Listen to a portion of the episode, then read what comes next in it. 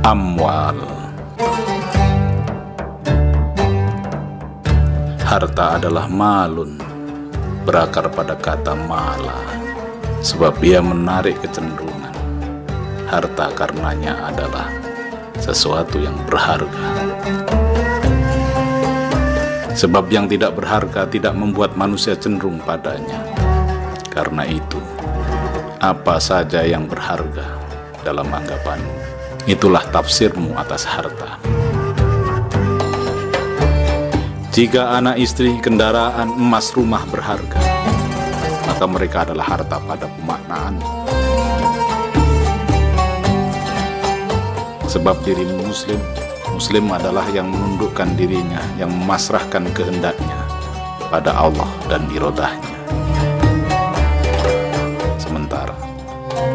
apa yang kau maknai belum tentu adalah harta dalam ilmunya. Maka engkau harus menaruh definisi hartamu dan tunduk pada makna yang dimaksudnya.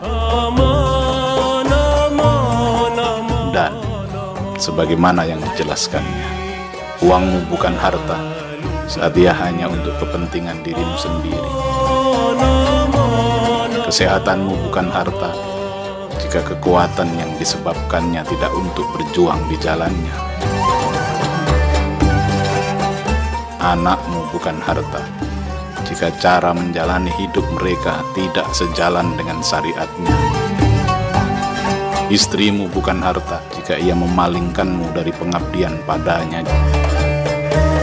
Jabatan dan profesimu bukan harta, jika ia menjauhkanmu dari mendekat padanya apa pun akhirnya yang kau sebut berharga menjadi tidak berharga pada maknanya jika ia terlepas dari jalannya. Itulah kenapa dalam firman-Nya sebuah biji berharga 700 kali sebab ia disemai di jalannya. Jadi harta adalah harta jika ia ditasurufkan demi pengabdian padanya.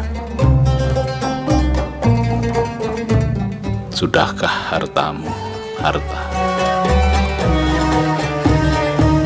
Cermin 2 261